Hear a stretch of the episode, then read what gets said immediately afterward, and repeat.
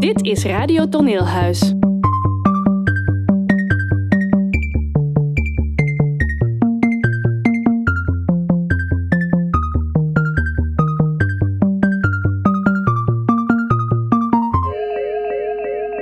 U luistert naar Brieven aan April.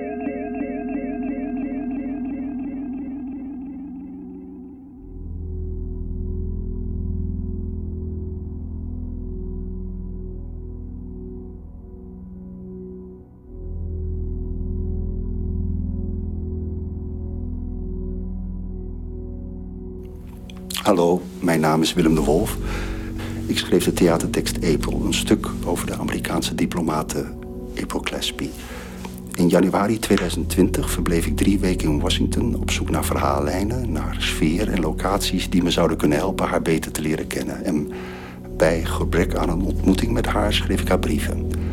Brieven om mijn indrukken te kanaliseren en om toch een beetje contact met haar te maken. 6 januari 2020. Dear Mrs. April Gillespie. De eerste dag van mijn verblijf loopt een beetje ten einde. Ik logeer in het International Student House in R Street, niet ver van uw vroegere school. Het G. Hopkins School of Advanced International Studies. Veel gasten hier studeren aan het SAIS, zoals ze de school noemen. Tijdens een wandeling door het pension vanmiddag zag ik ergens een grote plastic boodschappentas op een tafel staan. Er waren wat boeken en spullen uitgehaald. De achtergelaten en uitgestalde spullen van iemand die kort geleden is vertrokken. Dat was het eerste wat ik dacht toen ik het zag. Tussen de boeken, waarvan er eentje volgens de titel over verantwoorde advocatuur ging, een tweede over hulpverlening in conflictgebieden en een derde een roman was van Helene Verante, lagen twee papers. The Emergences of the Modern Middle East, volume 1 en volume 2. Twee vuistdikke readers. De ene 752 pagina's en de andere 666 met kleine letters. Ik vond die verzameling op die tafel intrigerend. Of nee, niet alleen intrigerend, ik vond het aanvankelijk geruststellend. En later weer ontgoochelend. Ik weet het niet precies. Eigenlijk vond ik de verzameling een profiel. Een profiel voor een diplomatenstudent. Geruststellend omdat ze het blijkbaar allemaal had gelezen. De goede advocatuur, hulp in conflictgebieden, Elena Verante... En omdat de opkomst van het moderne Midden-Oosten blijkbaar zeer uitvoerig lesmateriaal is. En tegelijkertijd heeft ze juist dit allemaal achtergelaten, dacht ik. Want ik denk dat de spullen van een, van een haar waren, van een studenten waren. Want er lag ook een dameschoen tussen de spullen.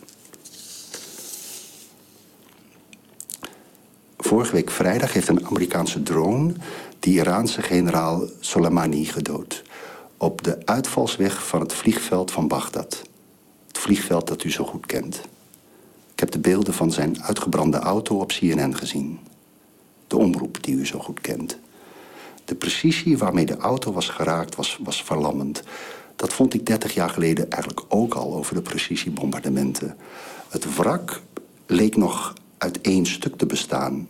Ik zag een klein kratertje in een grasveld naast de auto... en er zaten wat modderkluiten tegen de ommuring van het vliegveld. Dat was het.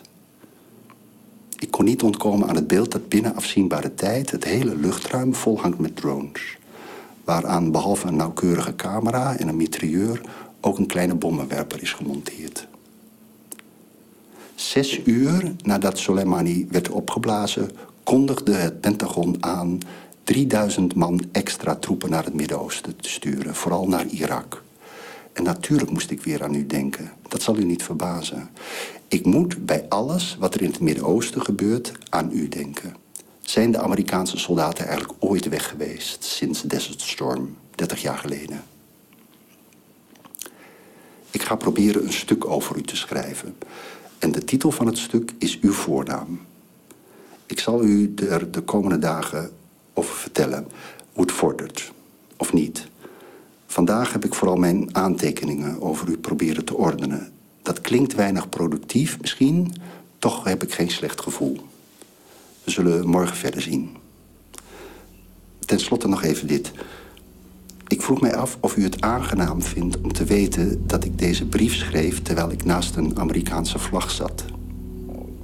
Ik zal even opstaan om er een foto van te maken. Sincerely, Willem de Wolf.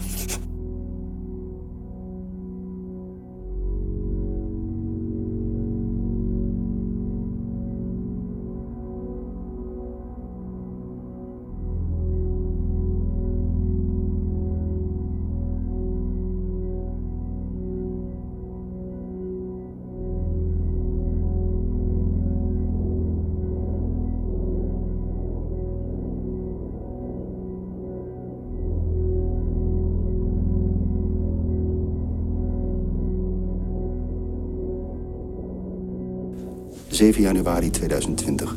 Dear Mrs. April Clasby. Ik ben gisteren bijzonder veel vergeten te zeggen.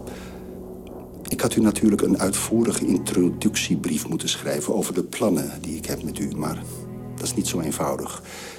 In eerste instantie wel misschien. Alle instanties die daarop volgen zijn echter gecompliceerder. Want de eerste instantie, de aanleiding, is natuurlijk het gesprek het gesprek dat u op 25 juli 1990 in Bagdad voerde met Saddam Hussein. Waar zou het anders over moeten gaan? Punt is, ik wil er niet alleen een reconstructie van maken. Of eigenlijk wel, maar ik wil er nog het een en ander aan toevoegen. Ik wil onder andere uw innerlijke monoloog toevoegen. En dat is natuurlijk brutaal, dat begrijp ik. Maar wordt dan ook fictie. Hè? Het werk zal strictly unauthorized zijn. En die status is belangrijk voor ons. Ik zeg bewust ons, want er doen meer mensen aan mee aan deze productie. Cassiers zal het stuk gaan regisseren en Erwin Jans doet de dramaturgie. En belangrijkste wellicht, Katelijn Dame gaat u spelen. Het zijn stuk voor stuk vakmensen, dat kan ik u verzekeren.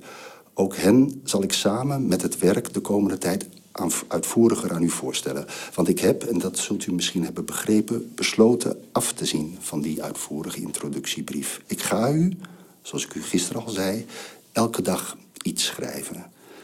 Dat lijkt me op een of andere manier eerlijker. In ieder geval minder officieel en, en hoe dan ook voor mij nuttiger.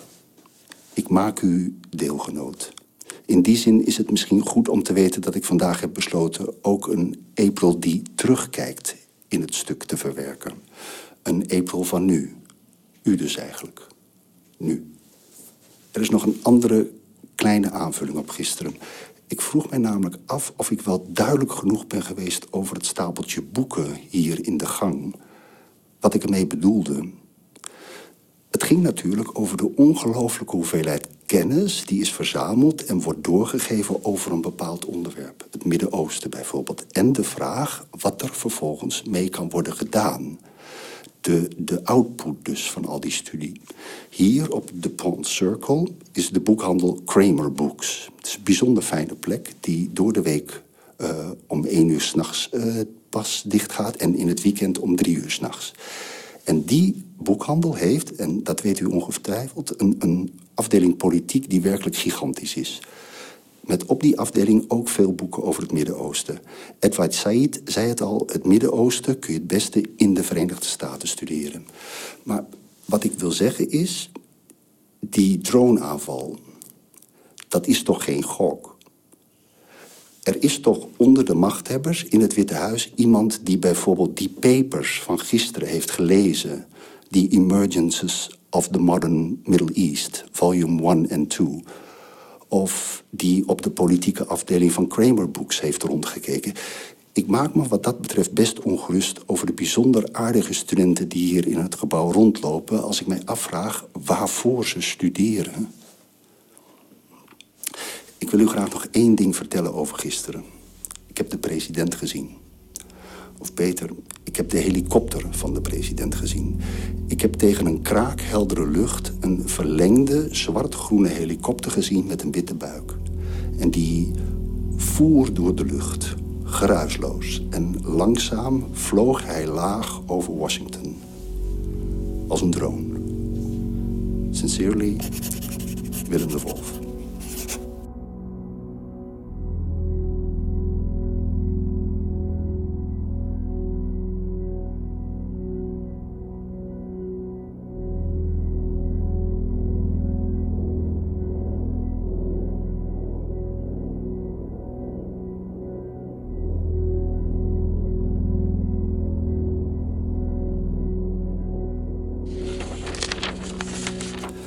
Januari 2020. Dear Mrs. April Clasby. Wist u dat u in de Encyclopedia of Women and American Politics staat?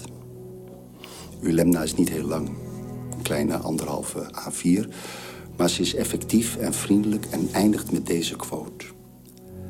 Clasby now lives as a private citizen and has consistently refused to comment on her actions in Iraq. Het lemna dat na de uur komt in de encyclopedie is uh, glass ceiling. Dat u het weet. Ik was vandaag in de Library of Congress.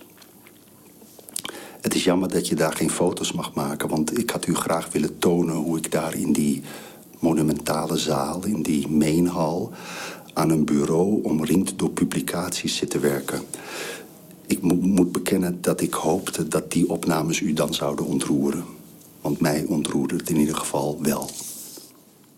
De Library of Congress heeft veel over u in print en digitaal beschikbaar. Het gebouw en vooral zijn inhoud zouden overigens een volgende aanleiding kunnen zijn om het over de relatie tussen kennis en politiek te gaan hebben die juist daar heel nauw is. Omdat de bibliotheek, de Library of Congress, speciaal voor de politici op het kapitool is ingericht. Maar ik zal niet meer terugkomen op de brief van gisteren en eergisteren. Hoe meer ik erover na kon denken vandaag, hoeveel meer ik me ook realiseerde dat het toch ook clichés zijn, die verbolgenheid over het ontbreken van een relatie tussen kennis en politiek. Ik heb vandaag allerlei korte en langere biografieën over u gelezen... op zoek naar details die ik nog niet kende. Er wordt over het algemeen zeer welwillend over u geschreven. Alle schrijvers gaan ervan uit dat u met Saddam Hussein gedaan heeft wat u kon...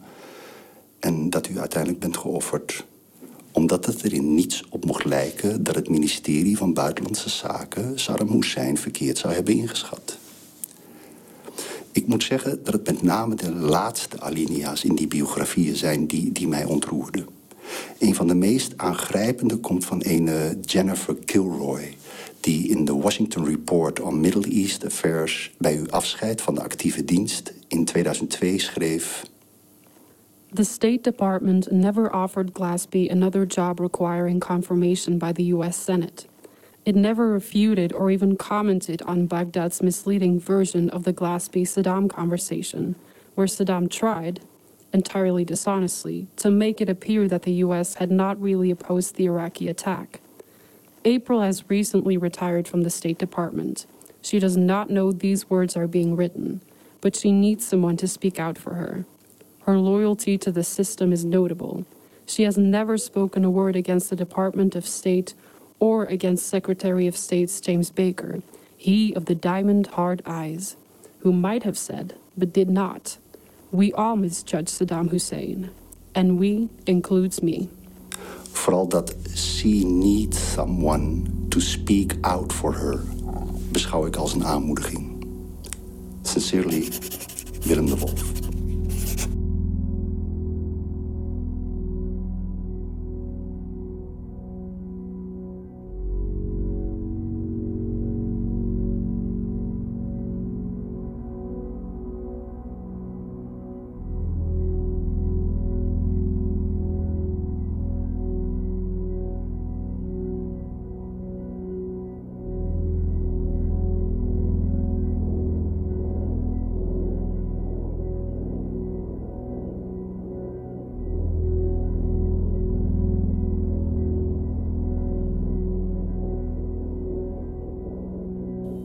Januari 2020. Dear Ambassador Glaspie. Ik heb de hele week al verkeerde aanheffen gebruikt. Ik las in een brief die ik van Sally Shelton Colby terugkreeg... dat ik u eigenlijk nog steeds met ambassadeur hoor aan te spreken. Bovendien, schreef ze, is het Mrs., waarmee ik tot dusver u aansprak, ook helemaal fout. Het moet mis zijn, omdat u nooit getrouwd bent geweest. Maar die laatste fout heeft toch eerder met een gebrek aan kennis van de Engelse taal en de schrijfetiketten te maken, dan met mijn gebrekkige kennis van uw leven. Ik weet namelijk heel goed dat u nooit bent getrouwd. Ik heb er zelfs iets over geschreven. Ik ben met Sally Shelton Colby in gesprek omdat zij mij is aanbevolen als iemand die veel van de diplomatieke wereld aan het begin van de negentiger jaren weet. Spijtig genoeg denk ik dat het moeilijk wordt haar te ontmoeten. Ze is, zegt ze, druk met andere dingen. Bovendien heeft ze, en dat schrijft ze met nogal wat nadruk, onder Clinton gewerkt en niet, zoals u, onder Bush. Het was een moeizame dag vandaag. Daar waar ik erop hoopte en er bij het opstaan ook een beetje op rekende een productieve dag te hebben, was het eigenlijk allemaal nogal frustrerend. Het probleem is dat ik tot dusver nog veel te veel lijnen heb en dat ik me afvraag hoe ik die in godsnaam kan behouden zonder dat het een onontwarbare chaos wordt voor de toeschouwer. Want ik wil ook niet dat het wordt gesimplificeerd. Dat, dat mensen het idee krijgen dat u eigenlijk voor één of twee vrij overzichtelijke dilemma's stond. Waar nog eens bij komt dat ik eigenlijk vind dat vereenvoudigingen van politieke problemen op hun beurt ook weer, en of dat nu voor het theater is of in discussies, politiek problematisch zijn. Een, een versimpeling geeft toch een opvatting weer, namelijk, nou ja, het is eigenlijk heel simpel. Er gebeurde vandaag trouwens nog iets anders en dat heeft een beetje met het voorafgaande te maken. Er kwam een moment, waarschijnlijk was het dus ergens in de vierde dag, dat de omstandigheden me niet werkelijk meer hielpen. Bijna integendeel. Hoe fijn en inspirerend de plek ook mag zijn waar je zit, ineens kijkt dat scriptje aan en zegt tegen je: Ik ben niet duidelijk. Ik ben niet interessant. Ik ben een cliché. In haar brief schreef Sally Shelton Colby overigens nog een klein bijzinnetje dat de dag toch nog een beetje ontroering gaf. And I have not been in touch with April for years. Merkwaardig genoeg kwam u door deze kennisgeving dichterbij dan ooit. Het was voor het eerst dat u van het papier en het scherm afkwam en iemand werd. Omdat Sally Shelton Colby u al jaren niet meer had gesproken. Maar daarvoor dus wel. Sincerely, Willem de Wolf.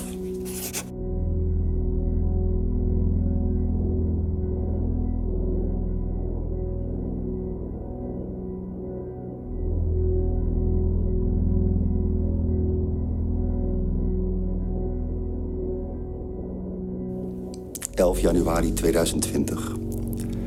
Dear Miss April Gillespie. Mijn verontschuldigingen voor het feit dat ik u gisteren niet heb geschreven. Ik hoop niet dat ik u heb laten wachten. Ik was gewoon te moe. Ik heb mij vandaag en gisteren afgevraagd of ik nu eigenlijk dichter bij u zou moeten komen of juist niet. Wat het beste voor mij is. Ik denk toch beter af te zijn als ik een zekere afstand van u bewaar. Er is al zoveel dat ik op u wil projecteren. Soms denk ik dat ik uw echte eigen verhaal daar helemaal niet bij gebruiken kan. Ik zeg dit omdat zich hier in Washington op het moment een aantal ontwikkelingen voordoen die de vraag naar hoeveel echte April Gillespie er in het stuk terecht moet komen nogal actueel maken. Natuurlijk, ik ben hier wel degelijk voor research. Voor research naar u. Maar als ik oprecht ben, gaan die onderzoekingen toch eerder over hoe ik een tekst kan maken over hoe ik denk dat een vrouw als u zou kunnen denken in de situatie waarin u zich toen bevond, dan dat ze ook daadwerkelijk over u gaat. Het gaat in die zin meer over mij. Maar goed, die ontwikkelingen dus. Ja, mijn inspanningen om mensen te spreken die u kennen beginnen vruchten af te werpen. Ik ben afspraken aan het maken. Ik ga nu de namen van de mensen noemen waarmee ik in contact ben. Dan weet u wie er dus bereid is om over u te roddelen. Zonder dat ze mij tot dusver hebben gevraagd of u daar wel van weet. Met oud-ambassadeur Robert Newman, die ook in het Midden-Oosten heeft gewerkt en zich erop laat voorstaan u goed gekend te hebben, heb ik volgende week donderdag een afspraak. De andere oud-ambassadeur is iemand met de ongelooflijk wonderlijke Nederlandse naam Lange Schermerhor, die volgens Google in Djibouti heeft gediend. U kent die mensen natuurlijk. U kunt ze zelfs nu nog opbellen om te vragen mij niets te vertellen. Of juist wel. Ik moet u zeggen dat ik het vooruitzicht om die mensen te spreken buitengewoon spannend vind. Eerst vooral vanwege het Engels, dat gewoon echt niet goed genoeg is bij mij voor een vloeiende conversatie. Maar ook omdat ik mij plotseling realiseer hoe ik tekort kan schieten met mijn plan, met mijn motivaties in zo'n gesprek. Ik vrees eenvoudigweg nogal wat misverstand en spanning tussen de feitelijke biografie en mijn interpretatie. Tussen de representativiteit van hun werk en de leugenachtigheid van het mijne. Bovendien ben ik nogal snel onder de indruk. Dat heeft nogal met mijn achtergrond en opvoeding te maken. Ik merk dat ook hier.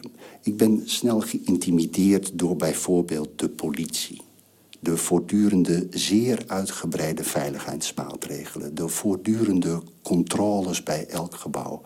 Maar ook de politici overdonderen me nogal.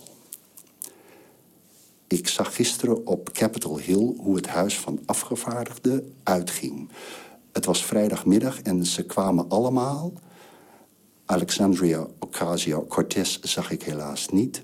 Over de imposante trappen naar beneden lopen. En er was iets met hun gezichten. Er was iets met hun huid, vooral met die van de mannen. Ze leken gepoederd. Sterker nog, en ik ga nu iets oneerbiedigs zeggen, het leek wel alsof ze waren afgelegd. Alsof er een klein grijs filmpje over hun huid was gespannen. Ik heb dat vaker met mensen die bekend zijn, vooral oudere mannelijke politici, alsof ze niet meer echt zijn. De wat ouderlijke pakken die ze dragen helpen daar ook niet aan mee. Sowieso ben ik hier qua kleding in de wereld van de pompeuze uniformiteit terechtgekomen. Ik bedoel dat de eenvoud zo geaccentueerd is dat ze weer overdadig wordt. Iedereen is hier in kostuum. Zelfs de studenten hier in het studentenhuis gaan vaak al in een pak of in een twinset naar de colleges. Of ze hebben een soort administratief baantje op een op een ambassade. Ik zag er zelfs laatst eentje aan het ontbijt die al een speldje op zijn revers droeg. Kon niet zien waarvan het was, maar het was een soort vlaggetje toch. Het lijkt erop dat alle landen met hun ambassades, met hun personeel, met hun stagiaires, met hun kostuums, hun overjassen, hun haardracht, een mensentype willen vertegenwoordigen dat volgens mij in de landen die ze representeren nauwelijks woont. Een mensentype dat alleen in het korps diplomatiek bestaat. En ik doe eraan mee. Ik heb mijn pak meegenomen. Met stropdas. En die ga ik dan toch aantrekken als ik op bezoek ga bij ambassadeur Newman en ambassadeur Lange Schermerhorn. Ik hou u op de hoogte. Sincerely, Willem de Wolf.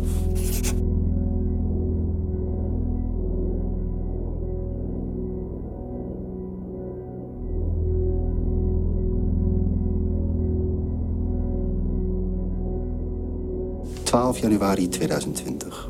Dear Miss April Gillespie. Ik schrijf u nog snel iets, zodat u morgen bij de brievenbus niet teleurgesteld bent. Maar het zal wel wat korter zijn, omdat ik wat rozig ben.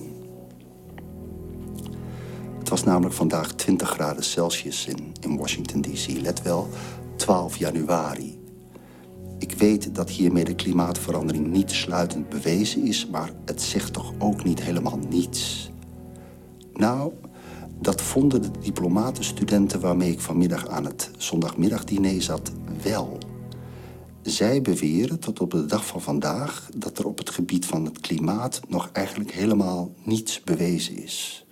Sterker nog, er circuleren bij onze toekomstige vertegenwoordigers in het buitenland nog flink wat schimmige theorieën over bepaalde warme golfstromen die sinds de middeleeuwen soms wat warmer en soms wat kouder zijn. Over de invloed van de mens hoor je niks.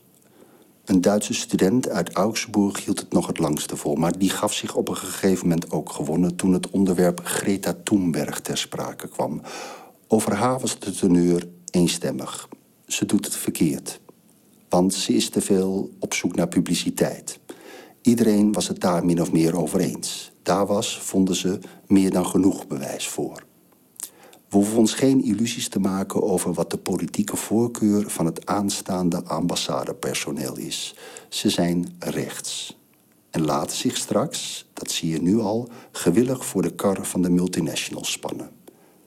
Je hoort ook dat dat de afwegingen zijn. In het buitenland voor een groot concern of voor de overheid. Het verbaast ook allemaal niet natuurlijk als je bedenkt uit wat voor families ze voor het merendeel komen en uit wat voor families zeker niet. In ieder geval, hoe duur en exclusief de studie hier in Washington DC ook mag zijn, het bewijs van 99% van de klimaatwetenschappers maakt geen onderdeel uit van het lessenpakket. Misschien is het daarom wel zo prijzig. Je betaalt een hoop geld om bepaalde dingen niet te horen. Ik ben me in het conservatisme aan het verdiepen. Dat wil zeggen, ik probeer van u een conservatieve diplomaat te maken, wat u volgens mij ook bent, of in ieder geval was. U werd benoemd tijdens het presidentschap van Bush en ik vond u in de video ook duidelijk meer geïrriteerd over de vragen van de democratische leden van de buitenlandcommissie van de Senaat dan over de republikeinse.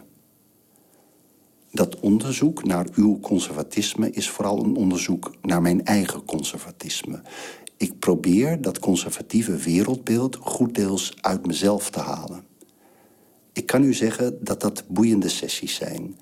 Jezelf in een andere dan je eigen politieke constellatie manipuleren en dan kijken of je het overtuigend geformuleerd kunt krijgen. Ik doe het zo omdat ik denk dat met name de geloofwaardigheid groter wordt als ik die ideeën ergens zelf ook waardevol en belangrijk vind.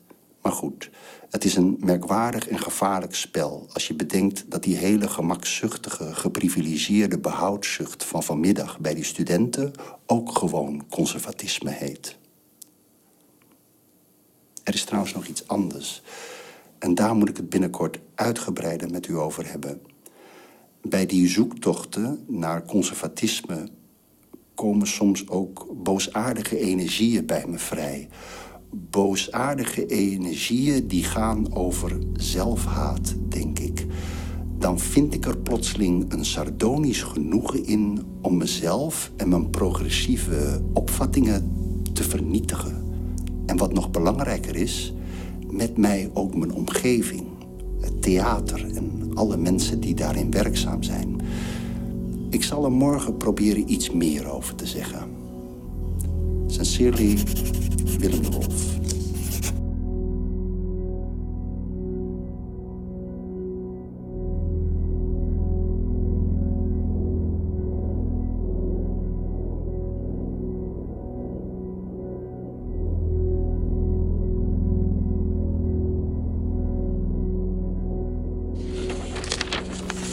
13 januari 2020. Dear Miss Glasby. Vandaag heb ik begrepen dat men in Antwerpen onze correspondentie op de website wil plaatsen van het theater waarvoor ik het stuk schrijf. Of misschien heeft men dat al gedaan. Ik moet zeggen dat ik vooral hoop dat het niet al te veel invloed heeft op de intimiteit van ons gesprek.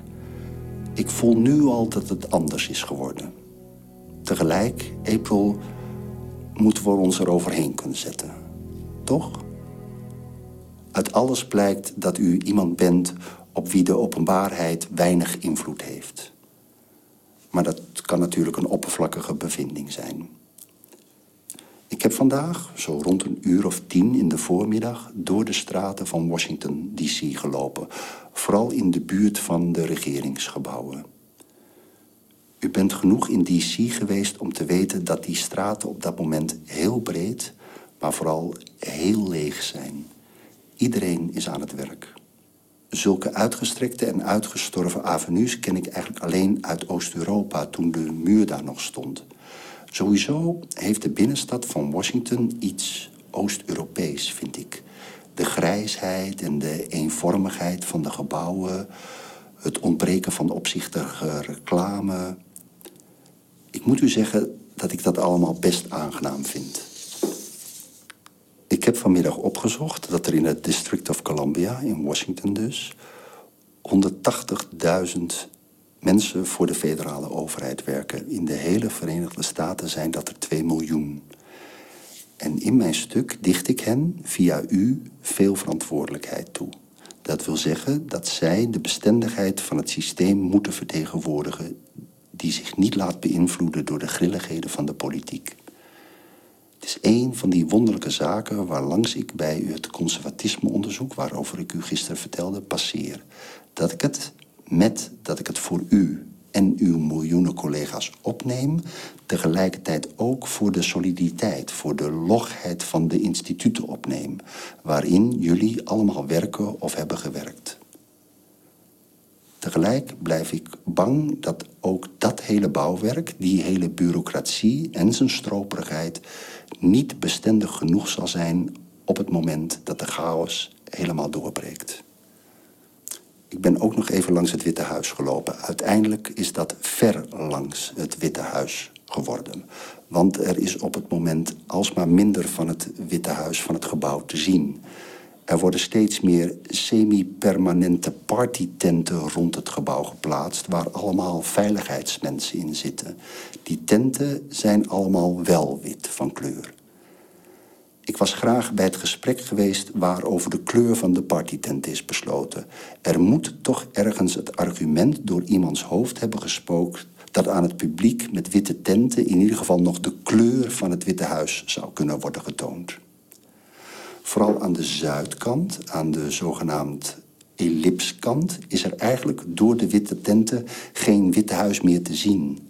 Aan de noordkant, aan de Lafayette-kant, is het ook moeilijk. Maar daar is de oorzaak van de onzichtbaarheid iets anders. Aan die kant is er een kleine bouwput gemaakt, omdat men daar, u zult het niet geloven, een nieuwe, hogere fence gaat bouwen.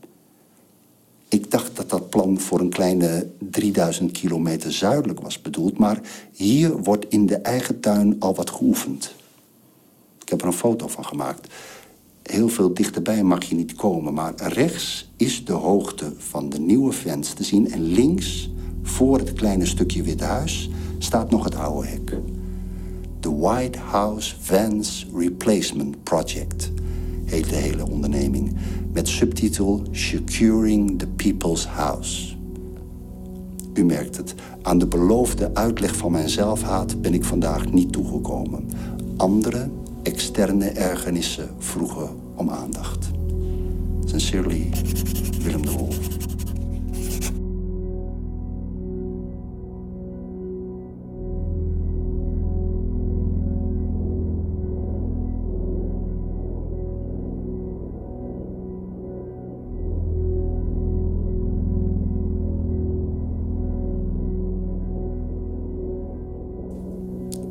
...14 januari 2020 Dear Miss Glasby, April.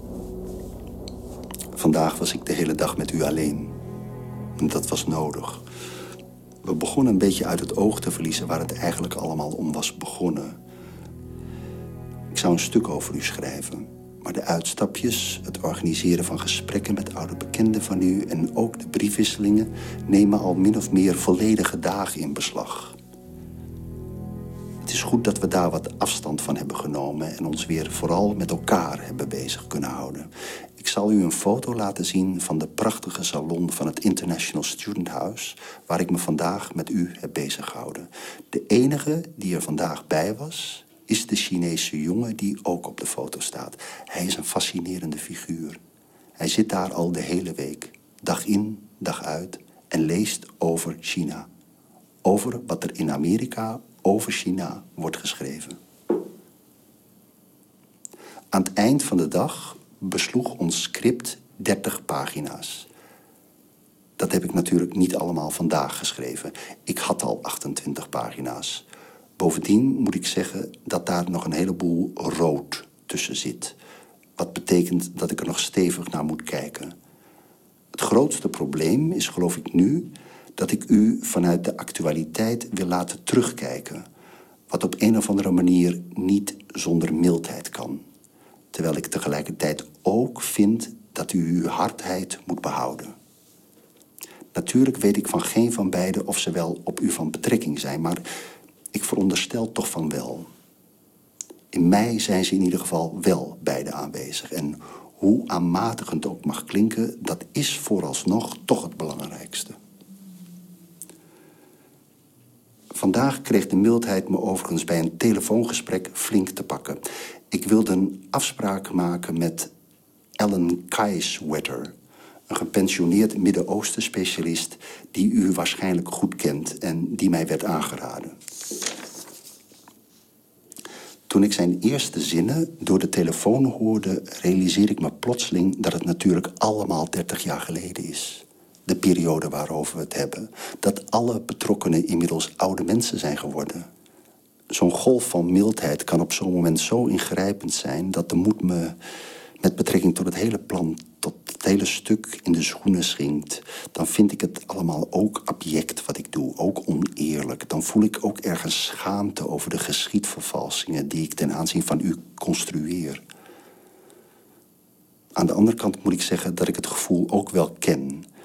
Ik heb al eerder stukken gemaakt over vrienden en familieleden waarin ik zaken chargeerde en manipuleerde. Het, het gevecht tegen de bedenkingen, tegen dat je kunt het eigenlijk niet maken, levert over het algemeen toch ook vaak zinvolle gedachten en materiaal op. Het is niet slecht als er iets moreel verwerpelijks overblijft. Overigens bleek meneer Kaiswetter nog voldoende bij de pinken om eerst om een outline van ons stuk te vragen voordat hij verder wilde praten. Die tekst heb ik hem zojuist opgestuurd. Ik mag hem vanavond terugbellen. Ik hou u op de hoogte. Over oude mensen gesproken. Vanavond ga ik met een aantal studenten naar een meeting georganiseerd door de Democratische Partij. We gaan naar het laatste democratische kandidatendebat kijken tijdens een zogenaamde Democratic January Debate Watch Party in de Busboys and Poets. Ik zal u ronduit zeggen dat ik een fan ben van Bernie. Dan weet u dat. En ik ken u inmiddels zo goed dat ik durf te wedden dat u dat waarschijnlijk niet bent. Sincerely, Willem de Wolf.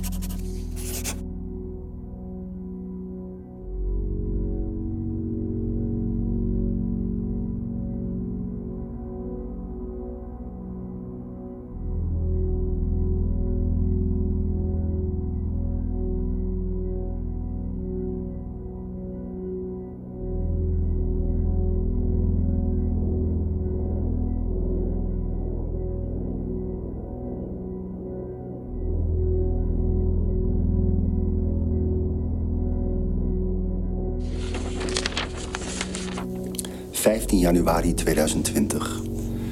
Dear Miss Glasby. Ellen Kaiswetter heeft zijn been gebroken. Hij zegt het me pas aan het eind van het telefoongesprek dat ik gisteravond met hem had. Tijdens dat gesprek had ik me al ettelijke keren afgevraagd waarom we elkaar eigenlijk niet hadden kunnen ontmoeten. Waarom we niet ergens in de stad een koffie hadden kunnen drinken waarom hij het zo nodig vond dat ik hem, nadat ik hem die outline had gestuurd, zou bellen. Het was zelfs zo dat ik hem op het moment dat hij me het zei, eerst nog nauwelijks geloofde. Het had alles met de aard van het telefoongesprek daarvoor te maken. Het was niet heel soepel verlopen. Ik had alsmaar het idee gehad dat hij op zijn hoede was. Maar nu, achteraf, denk ik dat het vooral met mij te maken had. Het gesprek begon met dat hij zich verontschuldigde voor het feit dat hij niet veel van u wist. Merkwaardig genoeg zeggen ze dat allemaal. Ze hebben met u gewerkt, met u gereisd en gesproken.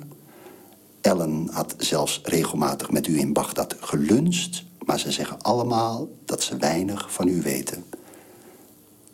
Ik moet, zegt hij door de telefoon, vooral bij anderen zijn. En hij begint onderbroken door denkpauzes een hele rij namen van mensen op te sommen die ik wel eens ben tegengekomen bij het lezen over u, maar waarvan ik niet meteen de context en de functie paraat heb.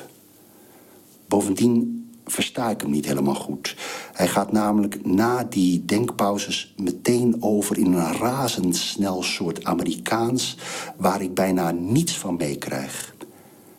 En je kunt in zo'n gesprek ook niet na elke zin vragen of het nog een keertje over mag.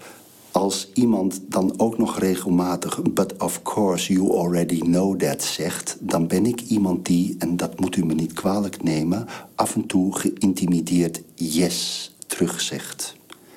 Kijk, April, ik ben gewoon een waardeloze onderzoeksjournalist. Als je tijdens een telefoongesprek een tiental namen fonetisch op een papiertje schrijft en daarbij het teruglezen maar de helft van kunt ontcijferen, dan kom ik niet dichterbij u, natuurlijk. Dan is dat geen research. Ik denk ook dat ik eigenlijk veel te vaag en te omslachtig ben voor het soort conversaties dat mijn gesprekspartners normaliter voeren. Ik merkte bijvoorbeeld dat ik eigenlijk helemaal geen strak en vast ontlijnd antwoord heb op uh, Ellens tot drie keer toe geformuleerde vraag: But what exactly do you want to know about April? Het rare blijft, en dat vind ik best dapper van mezelf dat ik toch ook weer niet heel erg onder de indruk ben van die hele buitenlandse dienst. Het kan me uiteindelijk toch ook niet echt schelen, geloof ik, die types. Natuurlijk, het, het is wel een gevecht. Het besef dat jouw plannen volkomen onduidelijk en onbruikbaar zijn in de echte wereld. Maar toch, het idee blijft winnen dat ik iets anders zoek. Dat moet ik echt tegen mezelf blijven zeggen. Ik zou bijvoorbeeld wel willen weten hoe het hoofd werkt als je accepteert dat je tot zondebok wordt gemaakt van andermans falen dat uiteindelijk mede tot een oorlog heeft geleid. Dat diezelfde mensen je vervolgens 15 jaar lang onder je niveau laten werken en dat je er nooit iets van zegt. Dat je je mond erover houdt, je leven lang, omdat je dat hebt afgesproken en je je daaraan houdt. Misschien moet ik die zin maar eens in het Engels uit mijn hoofd leren. En zo aan ambassadeur Newman vragen. Die mij morgen, als alles goed gaat, om 3 uur pm zal ontvangen in de American Academy of Diplomacy. Suite 902. Sincerely, Willem.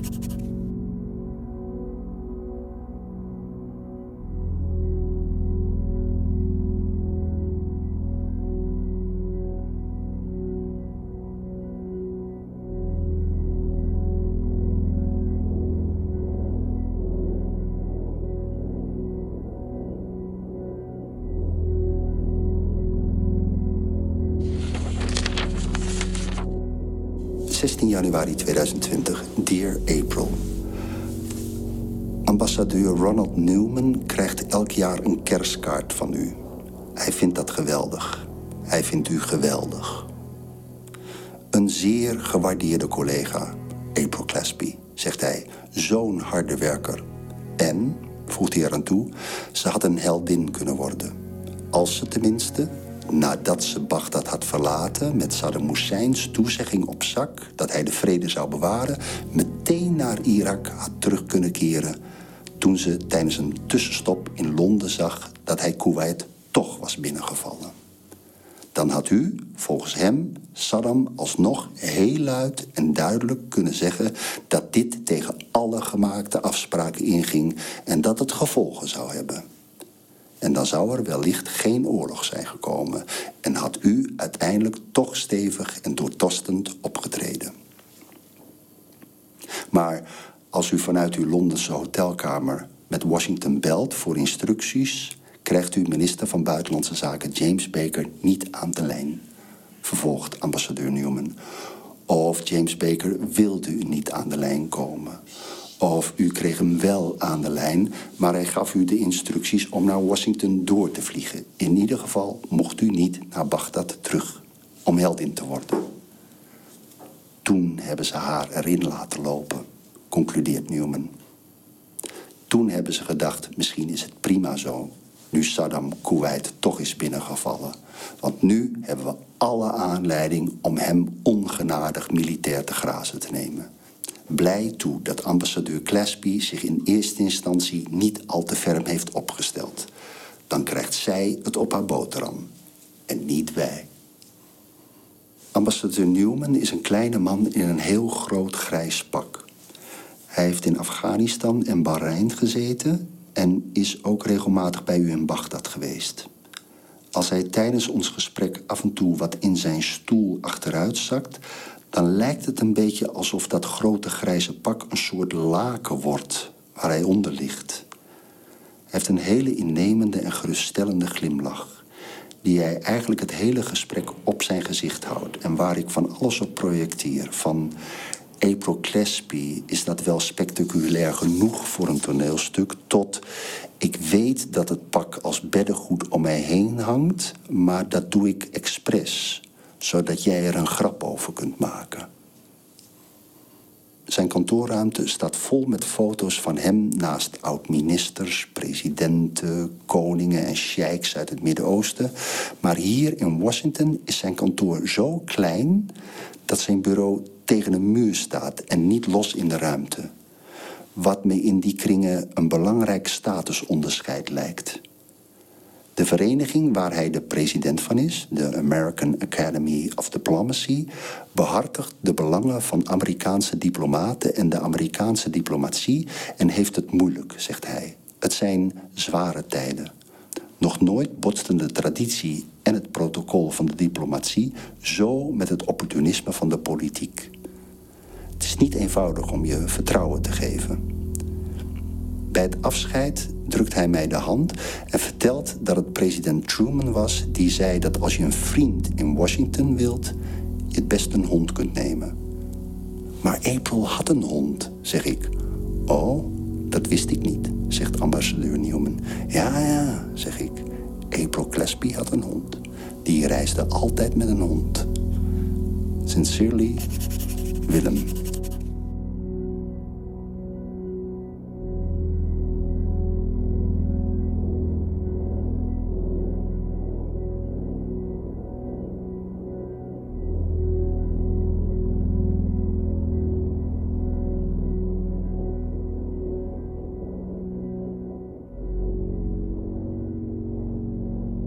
18 januari 2020, Dear April. Op een of andere manier heb ik het gevoel dat u sinds een dag of twee van mij weet. En daarmee heb ik meteen ook het gevoel gekregen dat niemand mij nog iets over u gaat vertellen. Ik denk dat u bent opgebeld door ambassadeur Lange Schermerhorn. U en Lange zijn vriendinnen, denk ik. Of op zijn minst goede kennissen. Dat laatste heb ik min of meer van Lynn Lambert meegekregen. Die schreef... Lang has known April throughout both of their careers. They're both about the same age. Female Foreign Service officers, when almost everybody else was male. So she would have broad context. Lang has also served in the Middle East.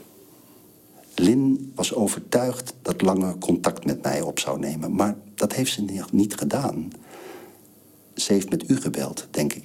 En u heeft tijdens dat telefoongesprek gevraagd om die hele geschiedenis niet opnieuw op te rakelen. En nu moet ik mij afvragen hoe graag ik nog dingen over u wil horen. En in hoeverre ik ze nog nodig heb. Ambassadeur Newman vertelde me dat u na 1991 nooit meer voor een ambassadepost bent voorgedragen, omdat u politically poisonous was geworden. Ik herinner me die woorden nog goed, omdat ik alweer naar zijn glimlach keek toen hij ze zei. Ik dacht dat hij zich op dat moment afvroeg of ik had gehoord dat hij bewust het zoveel hippere woord toxic vermeed. Of ik had gehoord dat je zelfs in het mijden van bepaalde woorden politiek kunt zijn. Politiek giftig wil zoveel zeggen dat je het niet meer over een bepaalde zaak hebt, zodat men het er niet meer over gaat hebben. Je zorgt dus dat bepaalde zaken niet opnieuw worden geactiveerd of opgerakeld. Zoals u zou zeggen, denk ik. Politiek is zorgen dat bepaalde zaken onbesproken blijven. En ik heb het gevoel dat u nu ook vindt dat dit politically poisonous is geworden. Ik was gisteren op uw school, de Johns Hopkins School of Advanced International Studies aan de Massachusetts Avenue, waar u van 1965 tot 1968 studeerde. En ik heb een college gevolgd. Strategy and the Use of Force heette het. Het ging hoofdzakelijk over bewapening. Het werd gegeven door een man die een beetje op Joe Biden leek. Het viel me op dat hij op de momenten dat zijn college spannender werd steeds naar voren liep. Op een bepaald punt in het midden van de ruimte bleef staan en zachter begon te praten. Het was heel effectief. We hingen aan zijn lippen. Op de plek waar hij ging staan, sloot hij dan zijn rechtervoet heel langzaam tegen zijn linker aan. Een beetje militaristisch dus, maar verborgen. Eigenlijk zoals het hele college. Hij eindigde zijn college met drie woorden op het bord te schrijven: technologie, strategie en doctrine.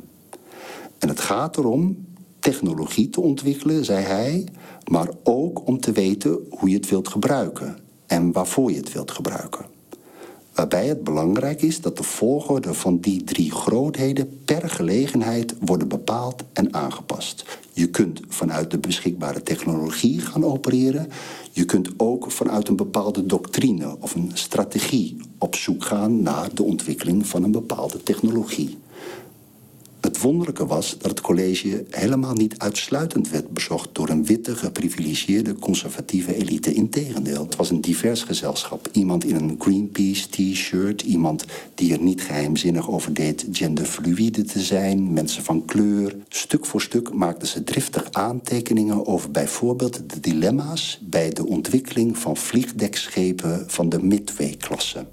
Schepen die zo gigantisch zijn en zoveel tijd vragen om te worden gebouwd, dat de bouw langzamer vordert dan dat er nieuwe inzichten komen over waarvoor je het schip uiteindelijk kunt gebruiken. Waardoor je dus tijdens het bouwen alsmaar weer anders zult moeten gaan bouwen.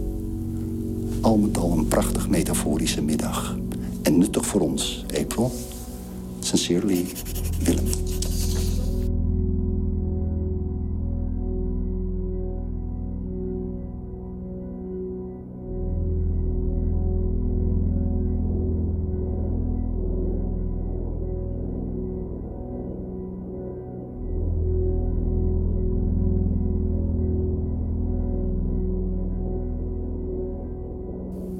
21 januari 2020, Dear April. Ik zit nu op uw plek. Terwijl aan de overkant van de straat de impeachment hearings zijn begonnen, zit ik op uw stoel in vergaderruimte 419 van de Senate Foreign Relations Committee. En het valt me op dat het tafelkleed waarover u gebogen zat tijdens uw hearing en waar u af en toe over wreef, korrelig is geworden. En ik moet zeggen dat ik denk dat het wrijven daardoor nu nog aangenamer is. Ik heb het al een paar keer geprobeerd op dezelfde manier als waarop u het deed. Op 20 maart 1991. Met de volle, gespreide hand in een tergende beweging over de stof. Alsof u heel langzaam en secuur iets wegveegt. Wat u natuurlijk ook deed. Langzaam en secuur iets wegvegen. Denkt u dat het nog hetzelfde tafelkleed is? Denkt u dat het tafelkleed is vervangen? Het is, het is 30 jaar geleden. Eerst dacht ik van wel. Later dacht ik van niet.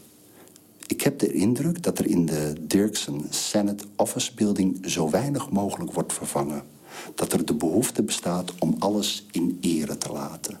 Tot en met de tafelkleden. In de tekst laat ik u zeggen dat u zich door de ruimte, de inrichting, de architectuur, de meubelen, maar ook door de gevolgde procedures aangemoedigd voelt om u vertrouwen te geven. Dat, dat het fijne houtwerk en de soliditeit van de materialen, maar ook de nauwlettendheid van het taalgebruik u het idee geven dat u zich in het middelpunt van een onwrikbare en nobele traditie bevindt. Dat u met iedereen die u daar omringt de verantwoordelijkheid voelt voor de democratie en de waarheidsvinding. Er is hier iets te verdedigen, denkt u, terwijl u dus met uw handpalm over die viltkorrels wrijft. Maar er moet nog wel iets aan die tekst gebeuren, denk ik nu. Het kan namelijk onmogelijk het enige zijn wat u heeft gedacht. Nu ik om me heen kijk, merk ik dat de vormgeving ook op, op een onaangename manier intimideert. Wat je bijvoorbeeld helemaal ontgaat in de opnames die ik van u heb gezien, is dat de commissie in een halfrond om je heen zit. En dat de leden aan de uiteinden dus eigenlijk gewoon naast je zitten. Op de televisie zie je behalve de, de vragende senators steeds enkel nog één of twee anderen. Maar het zijn er 24. Je bent door ze omsloten. 23 grijzende mannen in uw geval en één enkele vrouw. Die stuk voor stuk ook nog eens iets hoger zitten dan u.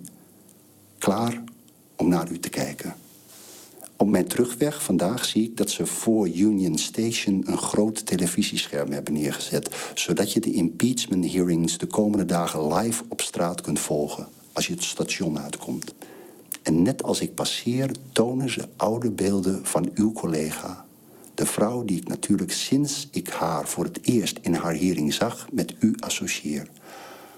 Ambassadeur Jovanovic. Net op het moment dat ik het wil fotograferen, omdat ik na zo'n dag verbijsterd ben over zoveel toeval, is het item afgelopen. Ik moet u nog één ding vertellen. Ambassadeur Lange Schermerhorn heeft toch contact met me gezocht. Ik kreeg een paar uur geleden een mailtje van haar. Ze vraagt of ik haar morgen wil bellen. Wat ze als eerste in haar mail benadrukt, is dat ze met pensioen is. En dat het allemaal lang geleden is. En dat ze het niet over Irak kan hebben. Omdat ze, zegt ze, er te weinig van weet. You have to understand. I do. Sincerely.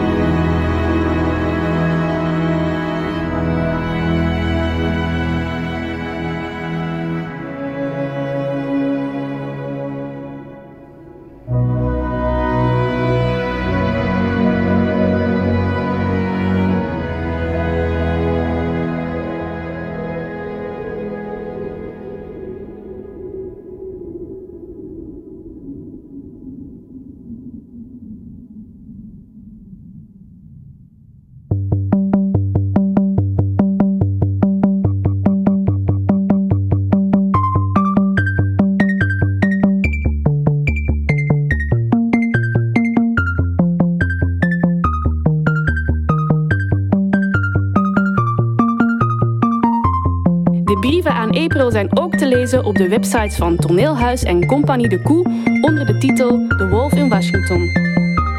Ontdek onze andere podcasts via toneelhuis.be.